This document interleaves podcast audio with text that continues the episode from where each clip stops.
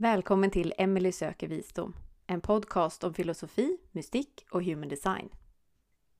När jag var som sjukast gick jag till många olika behandlare för att försöka bli frisk. En av dem var min vän Henrik. Henrik hade också varit buddhistmunk tillsammans med Viggo. Han hade senare utbildat sig till akupunktör och studerat taoismen och de fem element som ligger där. Idag ska jag prata mer med Henrik om vad det betyder att faktiskt förstå oss själva, vem vi är. Och de fem element kan vara ett väldigt fint redskap till det. Hej Henrik och varmt välkommen hit! Tack för det! Idag så ska vi prata lite om någonting som heter de fem element. Mm. Och eh, vi ska prata lite om din resa och ditt sökande efter visdom. Och eh, jag tänkte också vi kan prata lite grann om Vigdis kanske och vem hon är. Mm. Så innan vi går in på tema idag så undrar jag om du kan presentera dig själv lite grann för lyssnarna och gärna berätta lite om hur din resa startade. Vad var det som gjorde att du också blev buddhistmunk? Och vad var det som gjorde att du slutade vara buddhistmunk? Ja, eh, det begynte med en reise, eh, en såkalt jorda rundt-reise. Så med to venner, hvorav en av dem var Viggo. Eh, og kom jo til India, da. Og, og, møtte Hadde litt bakgrunn i vestlig filosofi og sånt. Og, og ja, møtte buddhismen, for å si det ganske kort, og da tibetansk buddhisme. Eh, og, og, det miljøet der. Eh, og det gjorde et veldig stort inntrykk. Både møte med mennesker og ja, tradisjon egentlig, og filosofi som, vi, som kom litt fra uh, som innfallsvinkel. Så det vekket også interessen for meditasjon og, og, og vi reiste jo hjem eh, sånn noenlunde planlagt denne turen, men, eh, men, vi begynte jo å reise Viggo og jeg reiste jo ned igjen på en retreat til Nepal et halvt år senere etter at vi kom hjem. Og det var jo da Viggo ble igjen. Uh, og hele, hele denne, dette året satte nok gang i en prosess i meg hvor jeg uh, Hvor den trangen til å leve på en mer kontemplativ måte ble gradvis mer levende. Mm. Og opplevelsen min da var jo også at uh, ja, si, min hverdag ble mer og mer meningsløs, egentlig, på det tidspunktet. Så, så det gjorde at jeg reiste til India med litt åpent sinn, men absolutt med tanker om å bli buddhistmunk. Eh, mm. Og sånn ble det. Det er jo ganske uvanlig, tenker jeg, at man som ung mann eller kvinne velger en sånn type reise resa när man kommer fra västen. Tror du at det å liksom komme dit og oppdage den her helt annorlunda kulturen gjorde at ni såg på kulturen som vi lever i veldig annorlunda når ni kom tillbaka? Jeg tror det. Jeg husker at jeg, jeg fikk et veldig Etter den første reisen hadde veldig Altså, jeg fikk perspektiv på min egen kultur. Jeg reiste i så andre kulturer. Um, og det var jo før si, møtet med Også før møtet med altså, buddhismen og meditasjon. Så, men den, den, biten gjorde jo noe med med et møte med en kultur som hadde eh, si, det indre mennesket eh, levende mer framme. Det er noe som heter et indre menneske. Kanskje noe vi folk flest her ville kalle et religiøst menneske. Eh, eller et, et søkende spirituelt menneske. Den, den, dimensjonen. Og det ble jo tydelig for meg at den hadde jeg ikke funnet hjemme. Og den hadde jeg trang til å utforske. Så det var jo en, en opplevelse av noe som åpnet seg inni meg og Det er jo den åpningen som gjerne skjer i brystregionen, og som jeg vet at her er det noe som kjennes rett. eh, og så tror jeg da det skjedde at da ligger så konklusjonen veldig fort da ble svaret i buddhismen. Snarere enn at konklusjonen ble jøss, denne følelsen lever i meg, den kan jeg leve uansett hvor jeg er. Mm. Eh, så svaret ble pekende ut på en, en tradisjon, da. Eh, og Det var vel det jeg skjønte forskjellen på etter noen år, etter tre år. og var der eh, møtet med Vigdis kom inn. Eh, mm. Vigdis Barbarek. Mm. Uh, hvor um, hun pekte på akkurat det.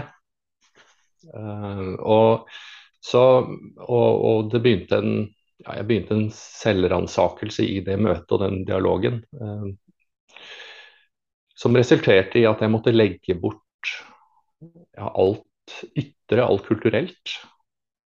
Uh, og finne tilbake til kjernen. Og kjernen var nettopp den indre følelsen at her er noe vesentlig for meg som jeg må leve ja, ærlig eller sant mot. Mm. Uh, som bare er en følelse, en indre stemning. Og da egentlig ikke har noe med tradisjonen å gjøre. Så det ble veldig klart for meg. Og da så jeg også at ja, møtet med buddhismen var vekket en Eller resonnerte med en trang til å leve mer kontemplativt. Men det var jo også en nisse med på lasset eh, som het eh, usikkerhet, Eh, komme litt bort fra ideen om en litt sånn grå Henrik eh, som ikke hadde noe kult i en norsk hverdag. Mm. Sånne ting. Mm. Og, og, der, klart, man begynte å titte på Her ligger det jo ting som, som er en, en flukt, en, mm. eller en unngåelse. Uh, og når du snakker med Vigdis, så kommer sånt opp i dagen. Uh, så det var jo så da, til, så da, ble det naturlig å komme tilbake og jeg fant jo i den dialogen egentlig det jeg hadde søkt etter, som var personlig veiledning. Men med en dybdedimensjon, da. Mm. Det fant jeg ikke i buddhismen, fordi kulturforskjellene er så store. Og sinnelagene er så forskjellige. Så det som inspirerer en tibetaner, inspirerer ikke nødvendigvis en nordmann.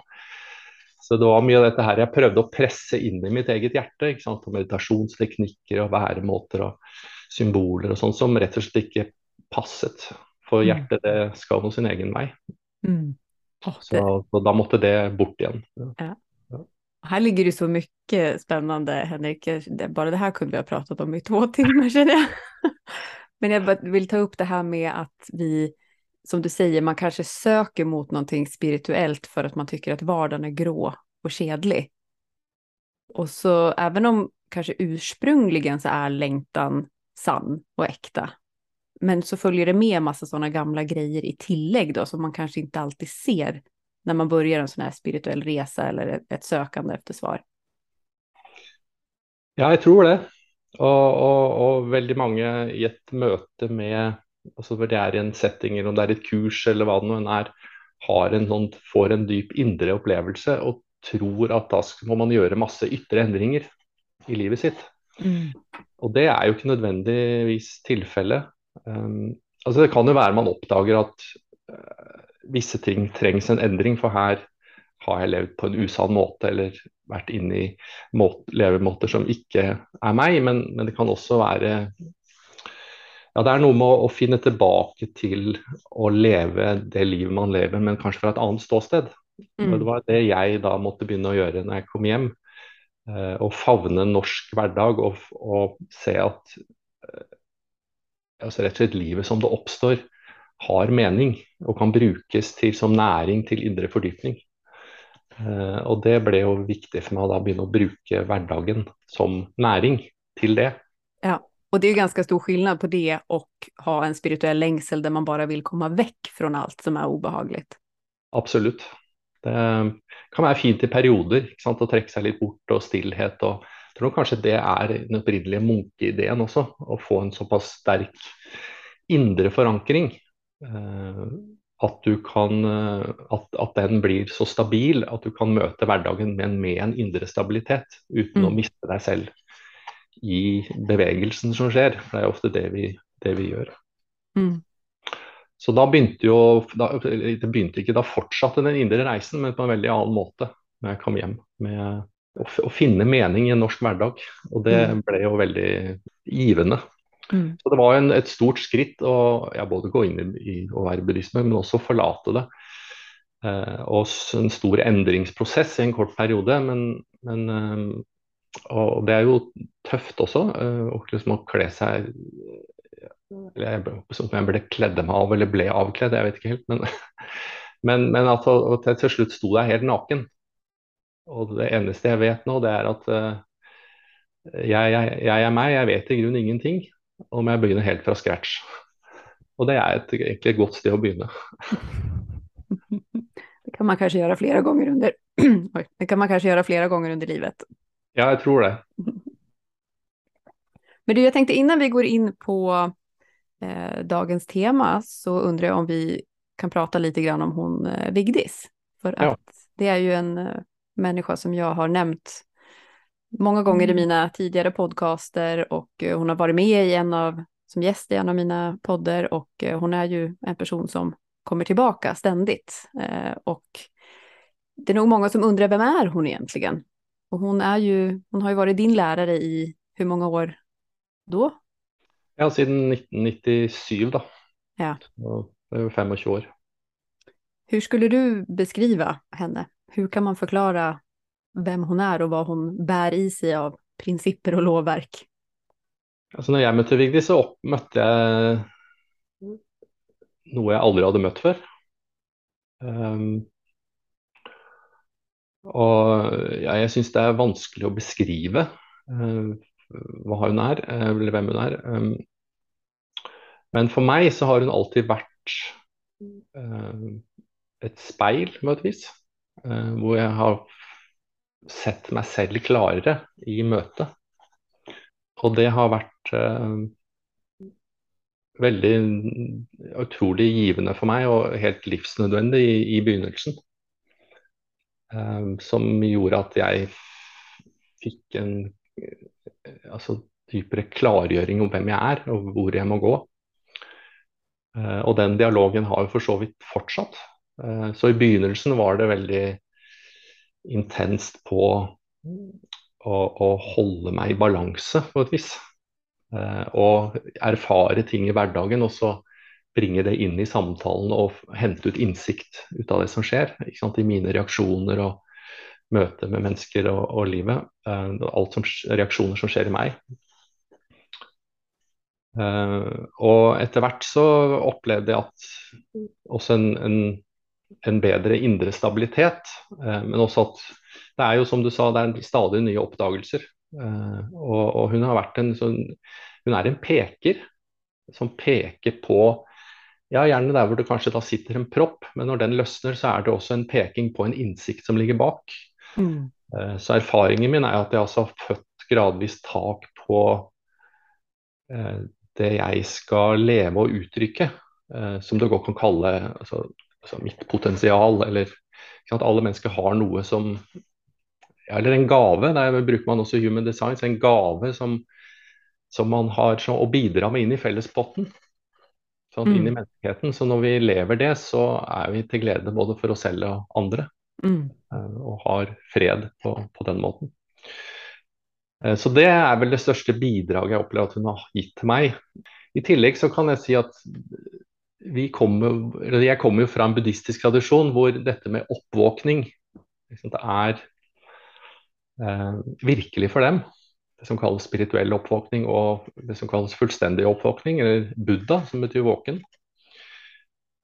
Og jeg skjønte jo at det måten hun eh, det hun hadde vært igjennom av bevissthetsendringer i forskjellige stadier, det stemte veldig godt med måten buddhismen beskrev oppvåkning.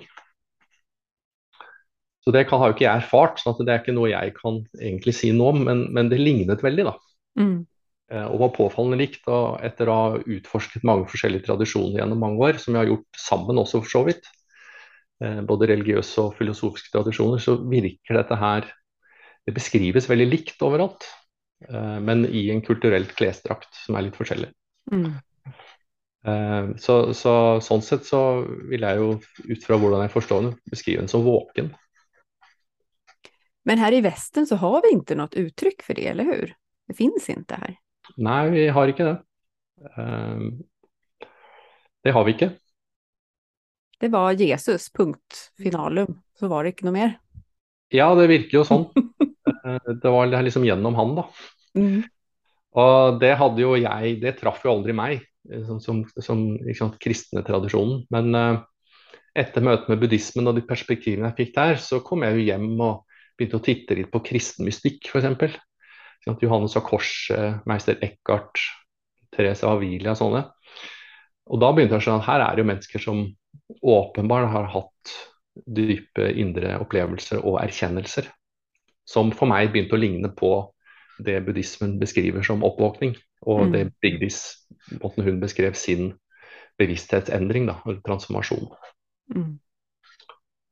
Både som en første oppvåkning til det som kalles indre vei, eller indre sannhet, og etter hvert da de kaller fullstendig oppvåkning, hvor ja, dette rare som de skriver, bortfall av punktet for jeg. Altså at, at, punktet for jeg forsvinner. At, ja. Og det er jo det som kalles eh, et mysterium. I hvert fall for den menneskelige tanke. Virkelig. ja. Og det, jeg vil jo si nei, det fins ikke i vår kultur. Um, altså kun gjennom enkeltmennesker. Men um, jeg vil også si at nesten at det finnes noe som heter et indre menneske. Uh, er liksom lagt litt på hylla, eller om det noen gang har vært levende, jeg vet ikke. Men, uh, og da mener jeg en natur som ligger sitt indre menneske, så er det natur som ligger bakenfor psyken. Altså bakenfor tanker og følelser Vi snakker om mer enn noe som er urokkelig, stille, klart. Mm. Uh, vi har liksom ikke det noe særlig framme heller. Så, ja. det, det, er ikke så lett å være søkende i vestverden. Det er mange veier man kan gå, gå seg vill på. Ja, vi får uh, i hvert fall Og veldig mange mennesker har jo den trangen. Uh, men det er lite speiling mm. å få på, på det. Og når jeg sier det, så snakker jeg jo ikke da nødvendigvis om et system eller en tradisjon eller sånne ting, men at det er noe levende, iboende natur i mennesket som jeg tror eh, som er litt mer stabilt enn en, uh, og følelsessurret bakenfor. Mm. Uh, og det for meg tilhører ikke noe system, det er bare et levende prinsipp. Så jeg tror at vi hadde hatt veldig godt av å, å, å holde det prinsippet fremme, uh, uten å knytte det nødvendigvis til en religion eller et For det tilhører egentlig ikke noe tradisjon i seg mm. selv. Det er bare levende. At det også er godt for mennesket og ville gitt oss en mye større grad av stabilitet i møte med livets utfordringer. Uh, noe vi alle møter, selvfølgelig. Mm. Og sånn som jeg har opplevd det på min reise, så har det vært til stor nytte å bli kjent med den personen som jeg er født til å være i dette livet. Eh, at det også på et vis har vært knyttet til dette indre mennesket. At det ligger liksom en kobling der i å finne ut av ja, men hvem er Emily, hvem er jeg? Og jo mer jeg har klart å, som du beskrev det, da, ta i bruk mine gåvor og de, dela med meg av det som jeg er her for å dele med meg av, ju mer kan jeg også kjenne lukten av det inre. Kan du se at det liksom ligger en koppling der? Ja, det gjør det. Eh, så de, de, de, nærer hverandre. Eh, både den si, en indre gjenkjenning av dypere ro og avklaring. Eh, hvor vi får mer tak på det du skal drive med her i verden. Og da tenker jeg ikke nødvendigvis bare jobb og sånn, men, men altså en, en måte, hvordan, altså din måte å være på i, i verden. Um, og når det er noe der som også kjennes rett, um, så åpner det kontakten innover også. Så de mm. nærer hverandre, er enig i det. Ja. Mm. Og så blir det en sånn, kanskje en sånn bevegelse frem og tilbake, hvor det skjer en fordypning på begge plan. på et vis. Det håller jeg virkelig med om. Mm. og her har vi jo alltså, många olika eh, redskap och verktøy for å bli bedre kjent med vem man er, og så forstå mer av vem, vem, vilket uttryck man har i dette livet. Då. Och jag har ju använt mig väldigt mycket av human design och eh, du har använt och använder dig av någonting som kallas för fem element. Som jag också upplevde var en stor hjälp för mig när jag gick från att vara sjuk till att bli mer och mer frisk. Var kommer det här ifrån, de här fem element som du håller på med? Vad är, vilken, liksom, vart har du lært deg om det her? Ja, det begynte når jeg studerte det som heter fem element akupunktur. Eh, som ble noen år etter at jeg eh, kom hjem, så jeg begynte på i 2002. Eh, og kom litt i kontakt med den taoistiske tradisjonen gjennom akupunkturen. Så de fem elementene er altså livet delt inn i fem grunnleggende elementer, eller på kinesisk kalt faser. Faser av bevegelse. Så kineserne da, de deler jo alt inn i disse fasene, så, så en enkel ytre måte å forstå det på er årstidens bevegelse. Hvor hver årstid har en bevegelse, så bevegelsen, grunnleggende bevegelsen i, i våren, som er opp og frem, er veldig annerledes enn høsten, som er liksom inn og ned i naturen. Og så har du de andre årstidene. Eh, og så er det femte element, jordelementet, som, og de har ikke fem årstider, men de har overgangene mellom årstidene. Som da utgjør jordelementet. Så disse fem elementene er da tre, ild, jord, metall og vann. Som representerer hver sin fase i årstidene. Og så kan vi bare gå videre, gå inn i, inn i mennesket. Eh, Der har vi fem grunnleggende følelser. Eh, og så kan du begynne å dele det inn i ja, Knyttet til ulike organer og kroppsdeler og funksjoner og, og sånne ting. Eh, og så har vi kan du dele inn i fem altså Når vi snakker om følelser, kan vi også snakke, snakke om si, mer støyende emosjoner eller villfarelser, som blir emosjonell uro. Eller så kan du snakke om mer det dype følelseslivet, og da dydene. Eh, når mennesker får mer kontakt med sin indre natur. Så er det de fem dydene som kommer til uttrykk, og til slutt da fem visdommer. Mm. Så de bruker da disse elementene på alle nivåer mennesket. Så det er en modell for, eh, for å forstå mennesket og livet. Så i disse følelsesområdene så ligger det også en psykologi. Eh, og, og sånn sett så er vi jo sammensatt av de fem elementene på litt forskjellige måter, som gir seg uttrykk i at vi er forskjellige personligheter. Mm. Og der er det jo gjerne ett av elementene som har tendens til å halte litt på, et, et, et, følelsesmessig plan, når livet eh, treffer oss og sånn. Um, og der ligger det også en, ja, en kilde til selvinnsikt. Mm. Å forstå mer av kanskje akkurat det området, uh, og hvordan vi kan bruke ubalansen, det ubevisste siden, til å få fram en bevisst side, eller en balansert uttrykk for, for den siden. Mm. Så jeg kan si om meg selv, som er ild, og ild kan jo være et eh, flammehav, men det kan også være litt mangel på ild. Sånn som måte, det, det, det, er litt for lite. Så, så en side av ild her handler om følelsen glede. Det handler om relasjoner, altså alt som har med hjertet å gjøre. Hvis man tenker på hjertet, så tenker vi på relasjoner, kjærlighet, åpne seg, lukke seg. Um, og, og, sårbarhet og sånne ting. Så jeg kan jo si som et eksempel fra meg selv, så kommer jo jeg fra en historie med veldig mye sjenanse. Uh, og at det var veldig vanskelig å, å være åpen sånn sosialt. Så jeg var så sosialt usikker, rett og slett. Mm. Um, og det traff jo rett inn i ildelementet. Og her må det lukkes, og, og, få åpne for mye og vise hvem jeg er. Det er absolutt ikke trygt. Og eksponering er ikke noe særlig i det hele tatt. Uh, og det skapte mye tilbakeholdthet. Så begynner jo det å påvirke alle de andre områdene. Så der, eh, når jeg så kom i kontakt med så var det, det sa meg veldig mye. Eh, jo, ild, ja, det traff veldig. Eh, og en ting jeg har måttet da jobbe med. Eh, å våge eksponering, våge å være mer tydelig. Våge å vise meg selv mer, stå frem. Mm. Eh, utfordre meg selv sosialt.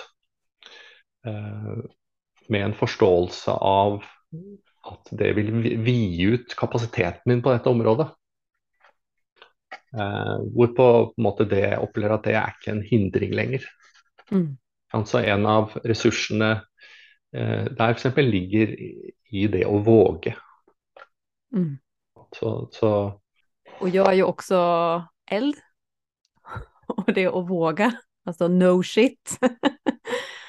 Og det også hittar jeg ju i min human design-karta. Alltså att jag vill egentligen få uttrycka mig, kan jag säga, alltså elden. Jag vill få flamma och brinna. Men jag tror att jag, en av orsakerna till att jag blev sjuk var att jag höll mig tillbaka för mycket.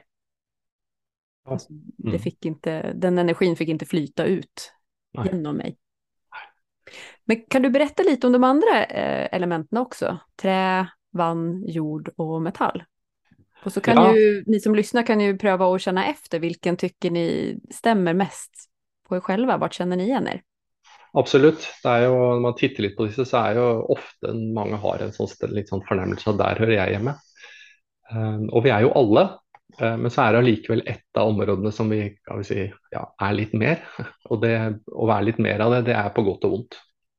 Så preger oss litt mer der, rett og slett. Så, så treelementet, det handler om, om sinne. Og de som er tretyper, vil kanskje ofte kjenne det mer som frustrasjon. Um, og handler om å komme opp og frem. Uh, og da, når vi skal opp og frem her i livet, så møter vi også hindringer. Uh, og hvordan møter jeg en hindring? Det kan være et stort spørsmål for tre. Det er kanskje et stort spørsmål for alle, men det ligger der vår evne til å møte hindringer. Hvordan skal jeg forholde meg til den hindringen? Stanger jeg hodet i veggen og begynner å, å bli frustrert, eller ta et skritt tilbake og, og få perspektiv? Så, så, perspektiv, det å se klart. Eh, fleksibilitet trenger vi. Både i scenene våre, som, sånn at ikke musklene stivner i en sånn eh, ja, blir stive og, og, ufleksible, men også at vi har mentale scener. At vi ikke blir enspora og, og sånne ting. Så akkurat den dynamikken der er veldig sentralt i, i, i treelementet. Jeg vet at du sa en gang at de kan bli riktige träskaller. Ja, jeg hadde en pappa som var tre, og, og, og, og han uh, satt rundt bordet og diskuterte disse tingene en gang. Og søstera mi spurte hva er du da, pappa? Så, jeg er visst en trebukk. Men jag tycker det här, alltså, inte bara att förstå mig själv genom de fem element, men också förstå andra var så nyttigt också för att inte kuva mig själv. För att när jag mötte människor som hade mycket trä i sig, innan mm. jag visste om det här, så kunde jag bli rädd och, och dra mig själv tillbaka. Och, eh, alltså, trä kan ju komma med ganska mycket kraft. Det, det liksom tar i och pratar högt och det kan vara starka ord och starka åsikter också. Eh, och de har jag förstått kan det kanske vara smart att också möta på det sättet ibland. Och det är ju egentligen inte så jag är, men det att lära mig att förstå det har ju gjort att jag också då vet hur jag ska hantera människor som är lite mer trä än vad jag är. Ja, absolut. Det er et veldig godt poeng. Eh, jeg hadde ikke, håndtert ikke disse tretypene så godt jeg heller for mange, en del år tilbake, før jeg liksom begynte å skjønne greia. Så de er rett på, kan være direkte, legger ikke noe imellom. Så vi har gode norske ord for dette her. Det er å skyte fra hofta og snakke fra levra. Eh, og leveren tilhører treelementet, så vi har nok dette her liksom sånn naturlig i oss som assosiasjoner. Det trenger ikke å, å ligge bare i den kinesiske tradisjonen. Ehm, så jeg jobber jo med mennesker og bruker dette her i konsultasjoner. Og da føler jeg noen ganger at jeg må switche, for nå må jeg danse et annet element. Det kommer en tre, og da må jeg litt, sitte litt mer på kanten av stolen og være litt mer mentalt våken og litt kjappere i hodet. Eh, og respondere, for de liker pingpong. Mm. Og kommer med en uttalelse og, vil ha respons. Mm. Eh, mens hvis det neste time kommer en jordtype, så er det liksom handler mer om komfort og bruke tid og sette seg godt tilbake i stolen og tenke igjennom det vi skal prate om og uh, liksom et annet tempo. Så, så det måste jag säga, det känner jag mig väldigt igen i när det gäller också human design. Att mm, det är väl ett tro. Prata lite, alltså ja, man har det liksom olik tillnärmning till de olika energityperna och till de olika profilerna till exempel. Mm. Jeg tror vi gjør det naturlig. Mm. Uh, men så er det jo noe med å se. Uh, så, så, Det er jo et slags kart også for å, for å, se kanskje noe vi gjør naturlig, men kartet kan også være en hjelp til bevisstgjøring av, ja. av det, selvfølgelig. Ja. Mm.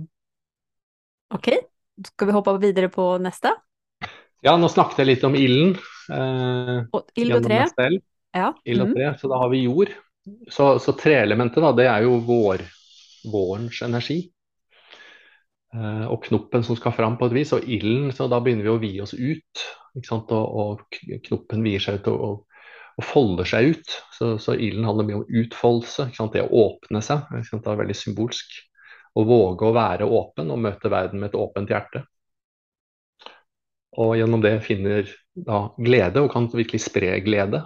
Uh, og, og varme, som mellommenneskelig varme.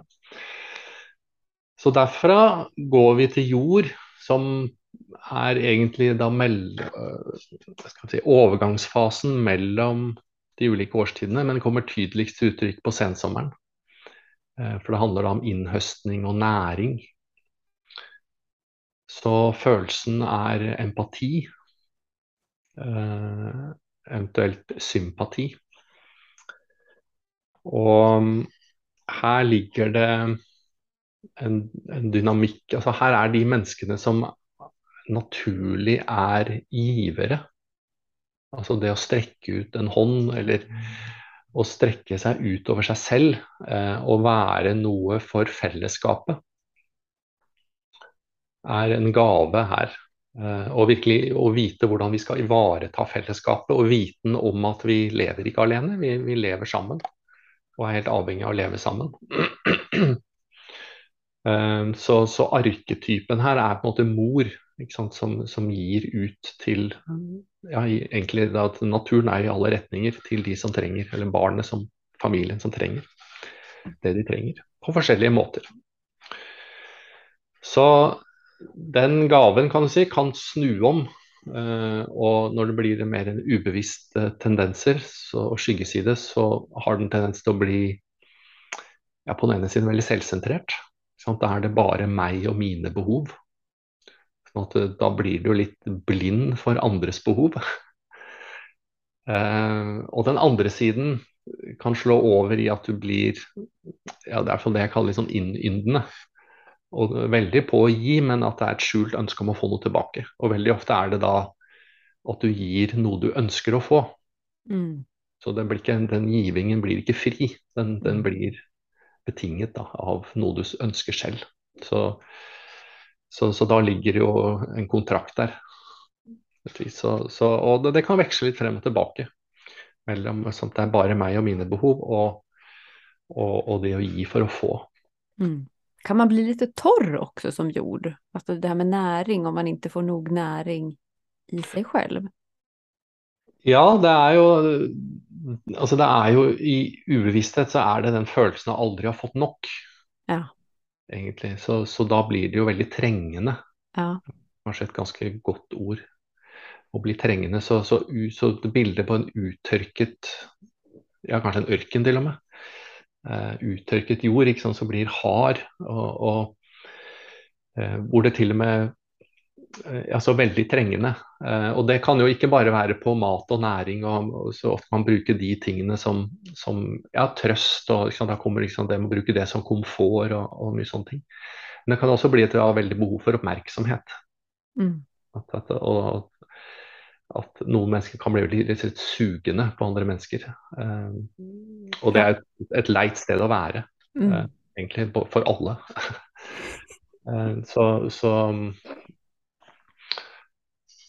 ja. Og, det kan gå til slutt over i bli så hardt og, og bittert at det kan snu andre veien.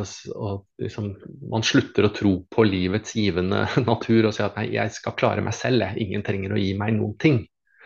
Så da, da, da, bryter man seg ut av, av fellesskapet. Hvis jeg skal klare det. Eh, så da har det blitt så hardt at uh, tenk deg, hvis du heller, jo, heller, vann på en veldig hard skorpe, så tar det veldig lang tid før det faktisk går synke inn. For den, den, tar det ikke inn i det hele tatt. Mm. Så hvis man da er jord og sitter og lytter og kjenner at man er litt i ubalanse der, hva kan man gjøre selv da for å nära seg selv på et vis, at man ikke blir så behøvende der ute i den yttre verden som man jo faktisk ikke kan kontrollere. Så et uh, skille er jo det å kunne skille mellom uh, skal vi si, naturlige behov og det vi kan kalle mer sånn selvsentrerte behov. Selvsentrerte behov er altså jeg skal ha behov. Um, så, så, så, vi har jo naturlige behov. Uh, og så der kommer vi tilbake til å kjenne seg selv litt. At, sant, hva er mine naturlige behov? Altså, kroppen trenger behov og mat og, og husly og trygghet, og, og psyken trenger behov også. Så psyken trenger å bli bekreftet, og den trenger positiv speiling. Eh, sånne ting, Det trenger vi faktisk, og, særlig fra tidlig av. Vi er helt avhengig av, av speiling. Eh, positiv speiling. Og, men psyken trenger også å kjenne på sitt eget eh, tålemot og evne til å tåle, og snarere enn å ikke liksom bli trygghetsnarkoman. Mm. Så der kan det være noe å, se på. Uh, så det er jo også å litt sånn tåle den evnen. Den der tomme følelsen i, i solar plexus og magen, og her må det fylles på. Det er et følelsesmessig ting. Å, å tåle den følelsen, kanskje, uten at, at man trenger å gå i full alarm. Mm. Eh, så, så, gjennom å gå gjennom litt vanskelige følelser, så kan du også åpne opp for en litt sånn større følelse av fylde innenfra. For det er det som er jordelementets natur, fylde. Vi har tilgang til en iboende næring som kommer fra det indre mennesket. Eh, hvor vi opplever at vi er nok. Og det er et viktig stikkord i jord også, så jeg er nok. Mm. Så dette nok-punktet. Eh, så det å Veldig fine ting. Det å jorde seg selv. Eh, finne en eller annen form for stabilitet. Eh, ting som bidrar i den retning. Så jording og, og, og indre stabilitet. For noen kan det være å noen jordtyper blir så rotløse at de flytter rundt overalt og aldri finner et sted hvor de hører til. Så tilhørighet, få seg et sted å bo kan være veldig stabiliserende. Mm. Og videre til slutt så handler det om å finne en indre stabilitet og en, en fylde derfra, uh, vil jeg si. Mm. Det kan være noen ting. Mm. Så bra. Ok, skal vi se på Viggos element? Det er den som kommer härnäst va? Det er metall. Metall, da er vi over i høsten. Eh, og da begynner jo ting å Altså energiene i naturen begynner å liksom, falle. Så, og, og, alt trekker seg inn, tilbake. Så inn, inn og ned, kan vi si. Um, og det er jo en tid for, uh, og tid for refleksjon. Kanskje til å um, se litt tilbake. Se på den bevegelsen som har vært også i livet. Så at vi runder halvveis i livet, så kommer ofte en refleksjonsfase. Kanskje da mange har en sånn krise. 40 år og sånn. Hvor vi begynner å se at dette varer jo ikke evig. Det er noe som heter død. og, sånt, å Få naturlig bevegelse, altså se litt tilbake på det som har vært. og hva kan, vi, hva kan vi lære av det som har vært? Kan vi hente ut noe innsikt av det som har vært? Uh, og, og, det ler jo all erfaring. Så metallet trekker ut essensen egentlig av alt. Uh, og vi kan trekke ut essensen av all bevegelse vi har opplevd i livet, for å finne da dypere innsikt. Uh, så det handler om den ryddeprosessen, egentlig.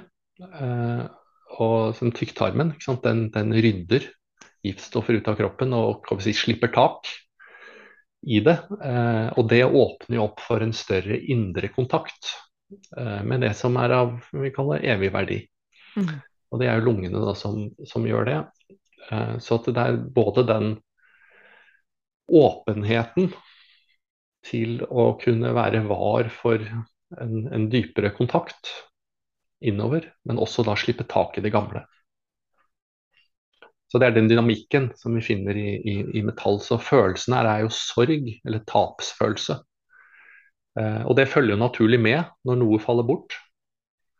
Enten det er noe vi selv, eh, noe som slipper tak i oss selv, som vi er ferdig med eh, og må slippe tak, eller at det er noe vi, vi mister som vi har hatt stor verdi for oss. Mennesker eller andre ting. At noe er ferdig, at noe må gå videre. Mm. Så følelsen av tap er jo det som for metalltypen kan bli liksom kronisk. Så sorgprosess er en naturlig fase, eh, men den kan bli kronisk, og gjerne tidlig i livet. Eh, og at det er noe som mangler. Mm. Og, og, for noen metall kan det være sant, bare det å miste for det er connection, altså kontakt, den kontakten kan være så betydningsfull. Bare at de har en kontakt med et dyr eller en, ja, en dokke, for så vidt, og så, og så blir den borte. Det kan være veldig veldig skjellsettende. Uh, for den kontakten var så betydningsfull, og det ga en indre resonans. Og så forsvinner den, og da kan hva er nå meningen med det hele? Mm. Det kan gi en sånn kronisk tapsfølelse, og til slutt så vet de ikke hvorfor. Uh, så det handler om mening. Uh, egentlig, og det trenger jo ikke bare handle om indre mening. Det er ikke sånn at alle metalltyper er opptatt av indre fordypning, men, men mening på en eller annen måte. Så, så veldig ofte finner metall skal vi si, mening i altså Der hvor ild handler om relasjoner, så kan handle kanskje metall om, om uh, yrke og jobb. Så for det er også et sted vi får anerkjennelse. Uh, så anerkjennelse kan bli Når de ikke har indre anerkjennelse, så søker vi ytre anerkjennelse. Uh, og de kan ofte være veldig veldig bra på noe, så de perfe perfeksjonerer én ting. Og gjør den usedvanlig bra. Eh, som gir den følelsen av, av liksom, ja, nå har jeg gjort noe ordentlig. Eh, og, og, og, og, kan jo være en søken etter det perfekte, selvfølgelig, men, men som gir følelsen av å igjen aldri være bra nok. Mm.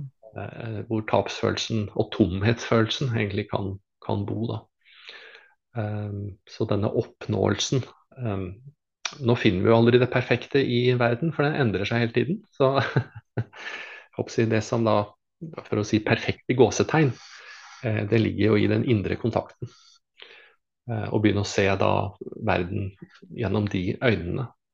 De indre øynene når du ser at det hele er akkurat som det skal være, kanskje. Og, og da kan begynne å oppdage skjønnhet.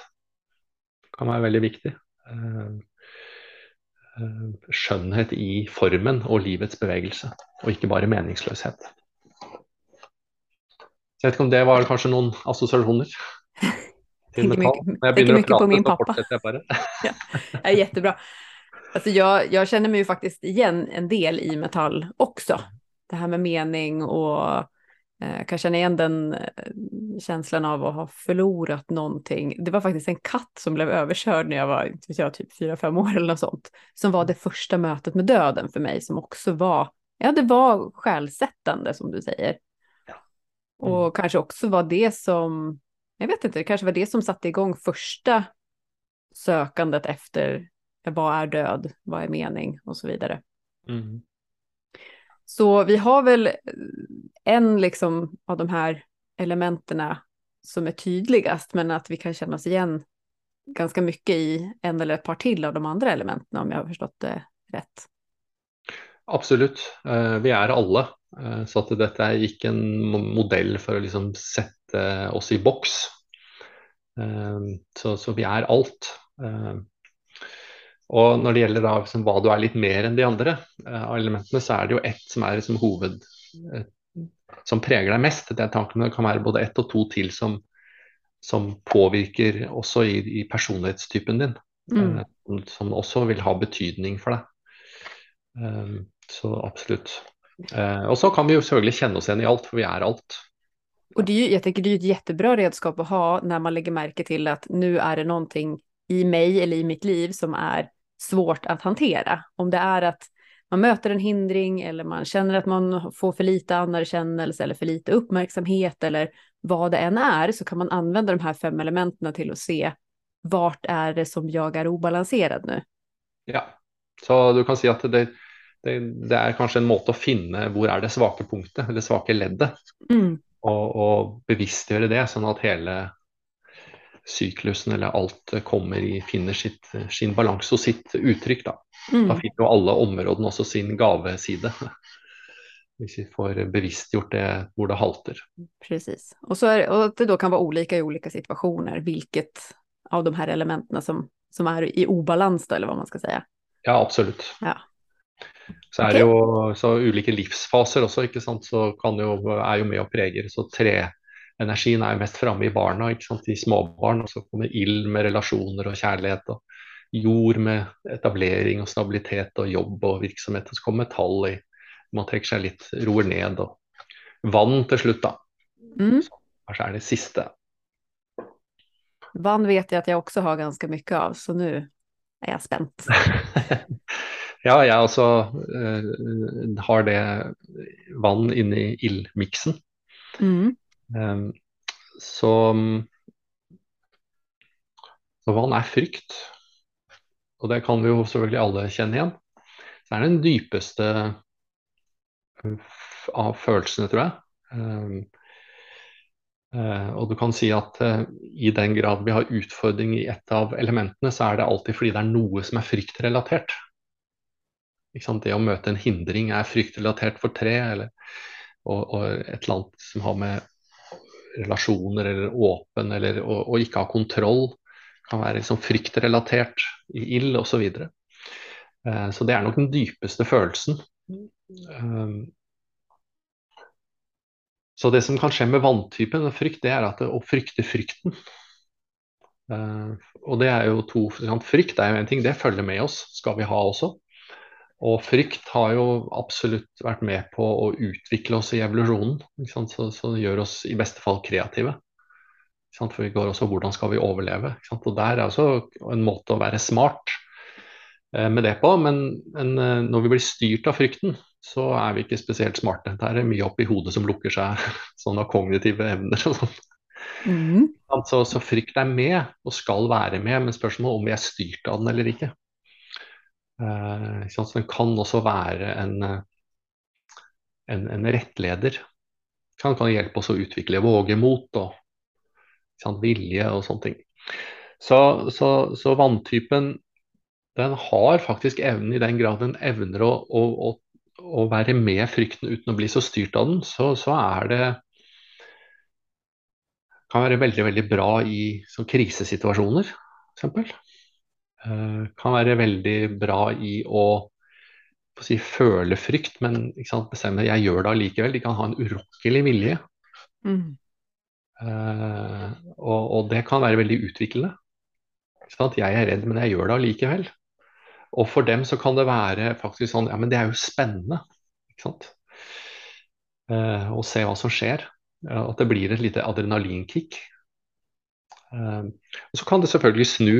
At det blir jeg, At de, de, gjør det pga. adrenalinkicket, ikke for å, å få innsikt. Um, at det blir en måte å være på som, som er drevet av adrenalin. Også. Uh, og da blir det jo et, et, et driv, et ustoppelig driv, det er veldig drevet. Uh, så da hvis det er styrt av frykt, så, så vet jeg at det kan være veldig drevet. Sånn drevet av frykten. Så da kan det bli veldig mye, altså mye mistenksomhet. Mye de skal liksom skjule. Det kan for, for andre være liksom vanskelig å se hvem de er, egentlig. Uh, og ut, en ustoppelig ambisjon. Mm. Uh, altså i overlevelsessystemet vårt. Uh, og det alarmsystemet som kommer på når vi trigges av frykt og går i overlevelsesmodus, så er det en enorm kraft. Så, og her ligger jo også reserveressursene våre.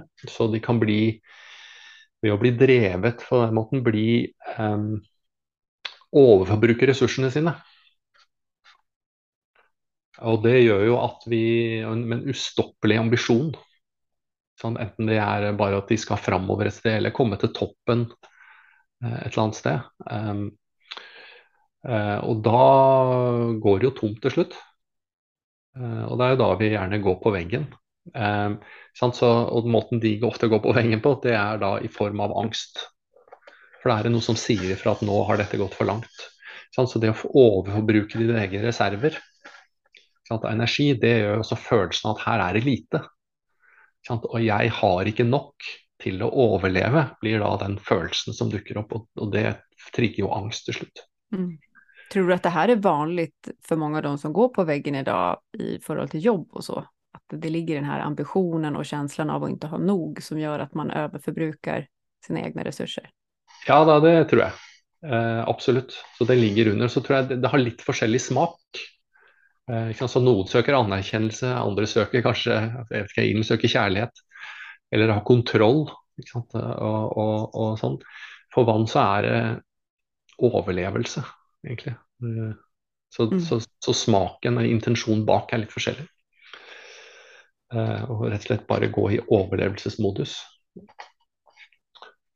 Eller så kan det jo selvfølgelig gå Den andre siden er jo å gå i frys. Nå har jeg på en måte beskrevet litt fluktmodellen, men så, så, så er frys, da. Eh, hvor alt blir farlig, ikke sant? jeg tør ikke det, jeg kan ikke det. Jeg er veldig på vakt. Ikke sant? Så det er de som? Hvis det kommer inn et rom, altså la oss si en kinosal, så er de som ja, nødutgangen er der borte. Bare sånn, så, så er det avklart, sånn i tilfelle. Så, så, å se potensielle farer rundt hvert eneste hjørne, det, det kan jo bli veldig slitsomt. Mm. Sånn, tenk om det, tenk om det. Sånn, og da alarmen går, fyrer liksom sånn hele tiden. Um, så det kan jo bli veldig handlingslammende også. Mm. Uh, og, og, hele tiden å gå i frys. Konservere, vi må bevare det som er, fordi alt nytt er, er farlig. Fryser til is, vannet. Det kan liksom ta alle former, dette vannet. Så fra en ustoppelig tsunami til fastfrosset is. Ja. Men det, jeg opplever ju lite att nyckeln här ligger då i å faktisk forstå at rädsla er bare en känsla. Ja, eh, og som jeg beskrev litt, eh, liksom, tenk om det, tenk om det kan være veldig dramatisk sinn. Eh, så du krisemaksimerer hele tiden. Mm. Ganske ekstremt. Og det er jo noe med å kjenne seg selv da, og vite at ok, det har jeg tendensen til. Mm -hmm. Og kanskje ikke alltid ta det 100 alvorlig. Mm. Og bare si at nå er det meg igjen, det er jeg som holder på. Så det er noe der. Um, jeg har jo trodd mange ganger at jeg skal hamna på framsidan av VG for at jeg har gjort noe fel. for eksempel. det, det, er, det er vattenelementet i meg. Ja, ikke sant. Så, så det, er, det, er, det, er, krise, rett og slett. Ja. Ja. Uh, og, og, overlevelsen står på spill. Så det er noe med å se at det, dette handler ikke om overlevelse. Så, så, så her er det nok på en måte gamle uh, At hjernen ikke har fått, i hvert fall ikke alle delene, har fått oppdatert seg helt. At, uh, I gamle dager var det farlig når løven kom, eller men, mm. Det er ikke en fare lenger. Mm. Men da begynner vi ofte kreativt i sinnet å mm. lage farer. Og Det interessante er at nervesystemet og hjernen skiller ikke mellom faktiske farer og tenkte farer. Så vi kan jo tenke oss, konstruere oss inn i, i mye rart, også mm. annet. Så, men de, når de har litt styr på dette her og er i balanse, så har de jo også den evnen til å vurdere risiko. Ikke sant? Og det er veldig brukbart, det. Uh, I et finansselskap, ikke sant? når man skal investere og sånne ting. Så penger er et ytre bilde på hvor mye ressurser har vi. Eh, hvor mye energi har vi. Så, så sant, det å kunne ta kalkulert risiko fordi de har en risikoanalyse. Det kan gå gærent sånn og sånn. Ja, det, der er så mange prosent. Og, så, og det, sant, i livet, det kan jo brukes veldig brukbart sant, til å gjøre de riktige tingene. Mm. Kanskje ikke bare i finansverden, men også i livet. Ikke sant? Ja. Men da er forskjellen at man gjør det kanskje litt mer med et cool head. Ja. ja at man ikke blir inndragen med emosjoner og alt det drama, liksom. Ja, nei, Da må hodet være klart. Men så mm. bare den evnen til å naturlig være forutseende sånn, mm. på mulige sånn, Vi må passe på det, og så må vi passe på det, men det trigger jo ikke nødvendigvis frykten, det er bare smarthet. Så smarthet kommer jo inn her. Mm. For du har et sinn som funker sånn. Eh, så det handler om smarthet. Så, så, så de må også kunne kjenne hvor mye ressurser har jeg, og hva skal jeg bruke det på. Mm, så det er som i løpet av en dag. Vi har ressurser i løpet av en dag, og så blir vi slitne. Eh, så, og, og, og, da kunne gjøre det i alle ting. Og hva skal jeg bruke den ressursen jeg har tilgjengelig, hva skal jeg bruke den på? Mm. Så her er det evnen til å, å, å, til å, kunne stå i frykt. Da får vi sant, et sterkere vilje. Vi utvikler vågemot. Eh, vi utvikler, kan bruke frykt faktisk og utvikle konsentrasjon. Eh, hvis du ikke er styrt av den. Ja. Det her tenker jeg også er utrolig smart å tenke på i forhold til hvilken human design-typ ja. man, man, har. Altså mm. det her å komme ihåg som projektor at jeg har et visst antal energi, en, eller en, en energikvot då, under en dag Og jeg kan ikke overforbruke den for då, då går jeg i minus. Ja, Er det spesielt for projektortypen? Jeg tror at projektortypen er nok den som har svårast for å kjenne sine egne grenser. Så, så det tror jag, ja. det kan nok være et fint hjelpemiddel å ha det med seg under en dag. Ja, akkurat. Mm. Og da tendens til å bruke for mye på et visst Ja. Kanske också bli ambitiösa och ta i också mer då för att, att komma någonstans. Men jag kan ju också känna mig väldigt mycket igen i det här eh, vattenelementet i min utbrändhet när jag var sjuk. Så jag mm. var ju mycket, var mycket rädd, var mycket dramatiska tankar som stal energi och eh, också rädslan av att inte ha nog energi i mig själv. Eh, I kombination med att ha överförbrukat i lång tid innan då. Mm. Mm. Så eld og vatten og metall er de som jeg kjenner meg mest igjen i. Ja, ja. ja men det kan jo stemme. Eh, jeg kjenner jo også vannet eh, godt. Eh, jeg har vel erfart også alle mennesker jeg har snakket med som liksom ser mennesker, som de har jo alltid sagt at du har en ufattelig vilje. og det har jeg nok. Så, så, og, og, så noen ganger sant, ubevisst så kan det bli stahet. Og da blir det på den gærne måten, men, men uvilje, altså viljen til å til å, å, å, nå de målene som er ekte mål, og som du skal her i livet. Og, og, da eh, da er ikke hindringen lenger en hindring. Mm. Da blir det på en, en god måte. Mm. Å stå i det som kjennes som mitt. Sånn, å ha vilje på det. Vilje, så viljen kan vendes innover eh, mot uh, fordypning også. Så da bruker du et redskap, sånn som viljen er, og kobler det til eh, en konsentrasjon innover. Och det här tycker jag också är otroligt intressant att använda tillsammans med sin human design-karta. För att eh, man kan ju till exempel då ha ett definierat viljeshjärta i human ja. design. Och då sägs det att man har mycket egen vilja. Men så kan det ju hända att jag möter människor som inte har ett definierat viljeshjärta, men som i alla fall upplever att de har mycket eh, viljestyrka eller drivkraft och sådär. Och det här kan ju då vara en förklaring på det, att ja, men du har kanske mycket vatten i din personlighet. Mm. Mm. Eh, eller så som eh, både du och Viggo tillhör ju 3-5-profilen i Human Design. Ja. Viggo är metall och du är eld. Ja. Och det skulle säga ganska vanligt hos 3-5-profilen är ändå att ha en del eh, karaktärsträck som påminner om trä. Ja. Men du då som är eld, då gör ju det att du får en, ett mjukare uttryck av 3-5-profilen. Ja, akkurat. Så man ja. kan liksom eh, använda fem element tillsammans med human design för att få ännu större nyans i hur vi uttrycker oss. Då. Mm. Ja, det tror jeg også. De bidrar med litt forskjellige ting, og så kan man de peke litt på forskjellige sider. Eh, eller kanskje det er forskjellige innfallsvinkler. Og så mm. kan det berike hverandre.